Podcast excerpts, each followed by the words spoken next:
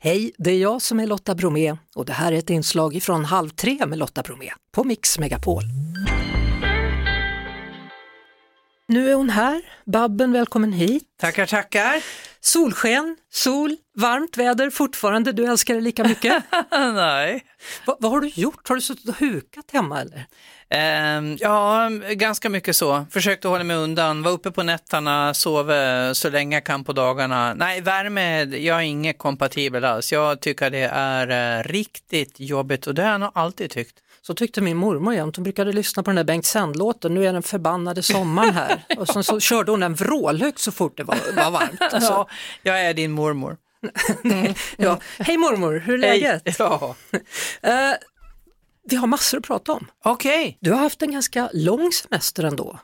Det kan man tro, men den har varit väldigt innehållsrik så jag känner mig inte riktigt relaxed för den här veckan, den här helgen. Det har varit det har varit bröllop, det har varit racer, det har varit, eh, jag släppte min bok, det, det, har varit väldigt mycket och mm.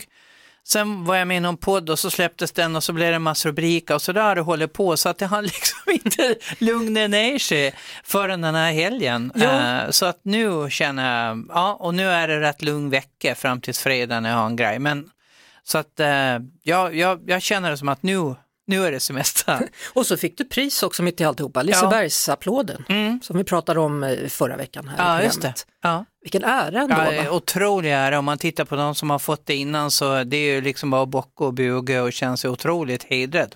Hur noga är du med din ledighet? Även om det är länge sedan du gick in i väggen mm. så antar jag att det fortfarande är väldigt viktigt att avgränsa ibland. Det är det och jag lyssnar på ett annat sätt också på var ligger jag i min, min energinivå. Därför att jag kan ju lätt fylla mina dagar med intervjuer och podcastar och möten och sådana grejer. Men märker att nej, nu är det väldigt låg energinivå, då rensar jag bara kalendern från sånt som inte är liksom bokade jobb och så. Fyllde du pensionär förra året? Ja, det gjorde jag. Ja. Det tror man ju inte.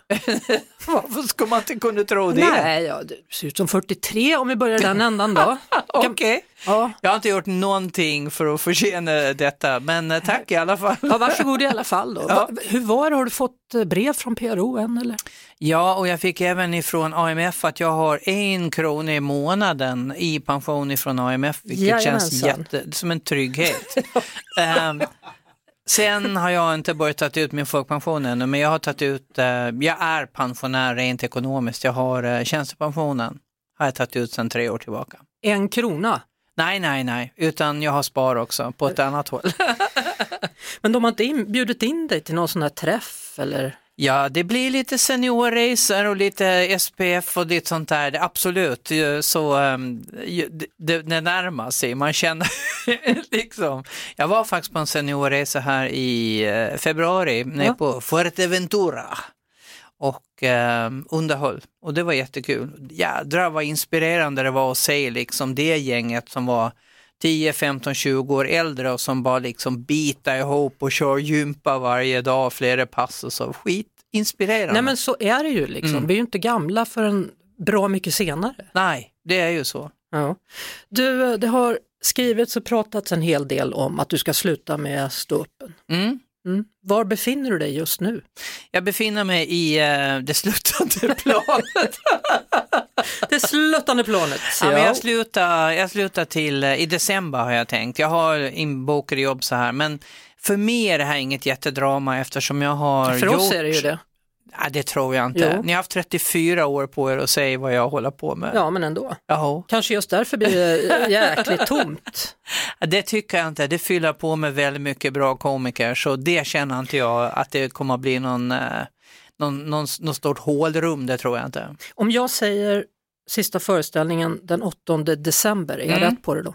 Ja, så ser det ut just nu i alla fall. Och jag tror att det blir så också mm. på Norra Brunn. Det känns som en bra, bra avslutning. Mm. Ja, för det är väl där någonstans det börjar, i alla fall med ståuppen? Ja, nästan. Uh, vi hade ju en eller två klubbar precis innan första året, men sen Norra Brunn från 89 tror jag. Mm. Visst var det något i Gamla stan också i början? Ja, Västermans var den första och sen ja. Patricia hade vi klubb eh, rätt många år. Mm. De hade en ägare som brann mycket för standup men eh, ett tag fanns det ju klubbar i varenda stad nästan i, i Sverige, men i, idag så är det mer koncentrerat till de större städerna. Och vad, är, vad är det som gör att du slutar då, för den som inte har koll? Eh, för den som inte har koll så gör jag ju andra saker och eh, det har blivit mindre och mindre stand-up och jag tycker att man måste göra det ganska mycket för att vara bra. Och är inte jag bra, då tycker jag inte jag det är kul. Och har inte jag kul, då har jag ingen lust. Alltså så kan man säga. Och i kombination med att jag har artros i en ankel, vilket gör att jag kan inte turnera längre på det sätt som jag har gjort fyra kvällar i veckan, en hel afton varje kväll. Mm. Uh, för då kör jag en hel afton, då måste jag vila en dag. Det är så det ser ut och det har jag liksom inte riktigt tagit in tror jag, utan jag har ju turnerat på smärtstillande och liksom kört över mig själv. Men under pandemin då hade man lite tid att känna efter. ja, och hur kändes det då? Då kände jag att det är precis så här det måste bli, att jag måste, nu måste jag verkligen låta kroppen få vara med när jag lägger schema. För att mm. annars så blir det ju tragiskt nästan att, att man bärs ut liksom på båren. Nej men så illa är det Nej så illa är det inte. Jag är pigg i övrigt utan det är just att stå och gå för mycket, då mm. säger jag den här ankeln ifrån. Mm. Mm. När det var corona mm. så hade du två projekt. Ja. Det ena var boken och det andra var? En platta. Ja. Och ja. då blev folk lite förvånade, vilket jag inte riktigt begrep, för du har ju turnerat förut med ja. ett band. Absolut, det har jag gjort och jag har sjungit i tv och lite sådär men eh, ja det, det blev lite höjda ögonbryn. Mm. Men det är kanske för att man inte trodde att jag hade, vad ska jag säga, egen musik utan mer att jag sjöng andres och så. Mm. Men det har mer och mer blivit eget och eh, till den här plattan då som kommer i november beräknar vi den nu, så, eh, så kommer, det var mycket nyskrivet svenskt som jag har gjort egna texter till då, för mycket hade engelsk text. Ja, mm. vad, skriver du om när du, när du skriver texter?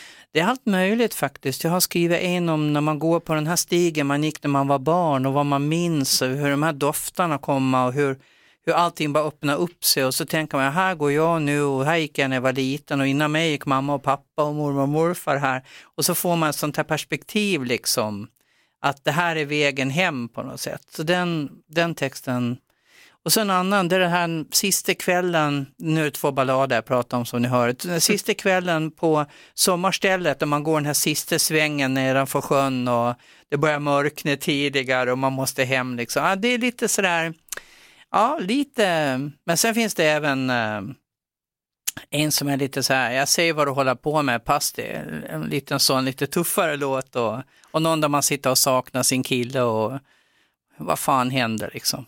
ja, vad händer? Hur, hur, går det med kärleken? Det går jättebra. Ja. ja. Ni är fortfarande särbos? Ja, vi är fortfarande särbos. Men pratar i telefon minst en timme om dagen om ja, inte ses? det brukar bli så. Ja. ja. Var han en snygg hantverkare? Är det så? ja. Är det sanningen? Ja. Ja, men hur träffades ni då? Uh, inte, inte att han kom hem och skulle fixa något? Dating site. Okej, okay, det ja. funkar? Det funkar. Kan ja. rekommenderas. Jag, jag trodde han var hemma och skulle spika upp något, men så var det inte då. Nej, det var det, mest... då blir det lite kåta Gun-varning tycker jag. ja, hon, är, hon är knepig. Det är Eller, bra. Hon är knepig tycker jag är ett bra ord faktiskt på henne. Ja, det är det faktiskt. Men, men apropå sex då, när vi, du ändå drar upp det. Mm. Eller hur? Ja, så, så, eller hur ja. Så, så har du sagt att det var på grund av, eller tack vare telefonsex som du fick en break. Det var det, det skämtet var ju min, ja, mitt genombrott kan man säga i, i det svenska medvetandet. Ja, vad var det för något egentligen? Nej men det var, det var det här skämtet som jag drog eh, om telefonsex på Slängde i brunnen och sen, sen visste all plötsligt vem jag var. Ja, mm. man får skämta om sex, det funkar. Absolut, det får man. Det tycker jag. Du, jag tänkte på det nu när, när du pratade om att vara liten och man vandrar den här vägen och så. Hur, hur är det med busarvet? Busarve eh, är sålt och eh, det, släktgården då? Ska vi ja, släktgården och det är en ny familj som bor där och de tar hand om det på allra bästa sätt så att eh, det kunde faktiskt inte ha blivit bättre tycker jag. Och jag och min syster blev också ganska lättade över att eftersom inte vi hade tid, lust och kunskap nog att, att ha gården så kändes det jättebra med den här lösningen som det blev. Och vi välkomna dit och fika och hälsa på när vi vill så att liksom, och även ta med våra entusiastiska australiensiska släktingar, de är på besök. Det var en del av släkten som utvandrade på 1800-talet. Så mm. det, det blev jättebra och det, det känns bra att ha skrivit om den här uppväxten som jag gjorde och släppte den här boken. Det, ja, det, det, jag liksom verkligen varit mycket på busarv i tanken här under de här åren när jag skrev boken. Ja, mm. Eh, Barbro före Babben. Ja, just det. Finns mm. också och gör stor succé som talbok dessutom, eller ljudbok heter det kanske. Den går jättebra och den säljer även bra som bok så det är hemskt kul. Varför var det viktigt att få skriva den här berättelsen? Det var inte viktigt men jag fick ett bokkontrakt vilt så här, skriv vad du vill vilket är det värsta som finns, det liksom, man kommer inte på någonting men jag skrev på lite olika upp, uppslag och då märkte både jag och min eh, förläggare att nej men det är här det rinner till. Det mm. är de här samtalen med pappa, eh, hans sätt, eh, hur mycket han har påverkat mig och allt det här, att det var där det började. Och sen så tastade mamma in i boken också, så blev det en, en ganska bra mix tycker jag. Mm. Du ska inte tro att du är något, det var mycket jante. Mycket jante var det, absolut. Hur har du tagit dig ifrån det? För det är ganska lätt att det fäster på en. Ett sätt var att flytta faktiskt, fysiskt, eh, ifrån eh, den här jantemaffian som, som fanns. Och, eh, och sen också när jag väl blev etablerad och fick liksom luft under vingarna så har jag inte låtit det komma åt mig på samma sätt. Men det händer ibland så att det är någon som trycker till en eller antyder saker eller liksom, ja, ger en ett finger eller det händer lite saker ibland. Mm. Och eh, då tänker jag, det här kan inte vara mitt problem, tänker jag. För att jag hatar verkligen jantelagen och jag gör allt för att inte hålla på med, med att tillämpa den själv. Fick du någonsin din pappa skratta då? Ja, gud ja. Mm. Vi hade samma humor. Fast han skrattade oftast inte högt utan var så. så. Ja, mm. för, för man fick nästan känslan av att du hela tiden försökte få honom att skratta. Oh, ja. Mm. Och säga att du är kul du. Mm. Ja. Jag tyckte han var så rolig så det, det var, då vill man ju att han skulle tycka detsamma. Ja, det är mamma då, hon, skrattade hon? Ibland, oftast när vi hade gäster. Eh, men eh, jag, både jag och syrran har pratat med varandra om det här. Vi fattade aldrig riktigt hennes humor. Vad det var som var, alltså, ja, det, plötsligt bara så kunde de börja gapskratta men vi visste inte riktigt, okej, okay, det här var tydligen kul. Du, 12 eh, oktober är en, en dag i din kalender också som mm, är viktig. Det stämmer. Det är den sockerfria dagen. Ja, och eh, det är det även i kalendern nu för tiden. Eh, det här var någonting vi etablerade för fyra eller fem år sedan och från början var det för Hedebiten Jonsson som är all sockerberoende behandlingsmoder här mm. i landet. Och vi drog ihop ett, ett evenemang, jag och en kompis Eva Mörk och ja, det kom massvis med folk, utställare, blev en stor succé. Sen har vi fått ligga lite lågt här under pandemin och köra mer eh, digitalt. Men i år så kan man både vara med digitalt eller live i studion eller sitta framför en stor skärm eh, strax utanför studion och eh, vi har toppföreläsare, eh, några av de ledande experterna i världen.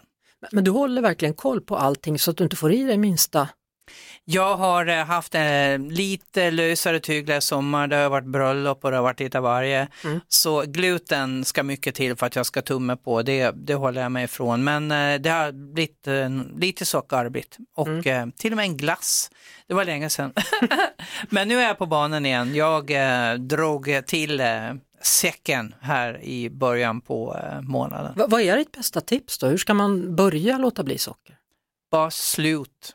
Bara slut. Bara slut. Bara slut. Och ät eh, grapefrukt, eh, citron, sådana saker som tar bort sötsug. Det är sant. Mm. Det finns inte mycket sötsug kvar. Där Nej. Eh, du, eh, En mot Sverige tillbaka i september. Ja. Känns det kul? Ja, det tycker jag. Vi har blivit uppgraderade till fredagar. Eh, Grattis! ja, jag vågar inte säga något till Lasse Kronér, han är ju inte glad. Men eh, vi tar ju hans slott där då. Jättekul ska det bli och jag känner mig taggad på att försöka, ja nu har jag aldrig sett programmet och vet lite hur, mm. hur valsarna går så jag känner mig taggad på att liksom få upp det till 2.0. Och sen konstaterar jag också att asteroiden 10795 Babben som tillkom 1992 fyller mm. 30 år. Just det. Då säger vi grattis till asteroiden. Ja, det måste ju firas. Ja. Det är två galningar som spanar ut i rymden som har döpt eh, asteroider som de har hittat efter gotländska företeelser. Härligt. Ja. Och då är du en av dem. Jag är en av Ja, dem. jag ska spana Okej. på himlen, jag lovar. Babben, stort tack och ha en fortsatt fin höst då. Och sen 8 december, sista föreställningen. Ja, av stand-up. Det var det. Vi hörs såklart igen på Mix Megapol varje eftermiddag vid halv tre. Poddtips från Podplay.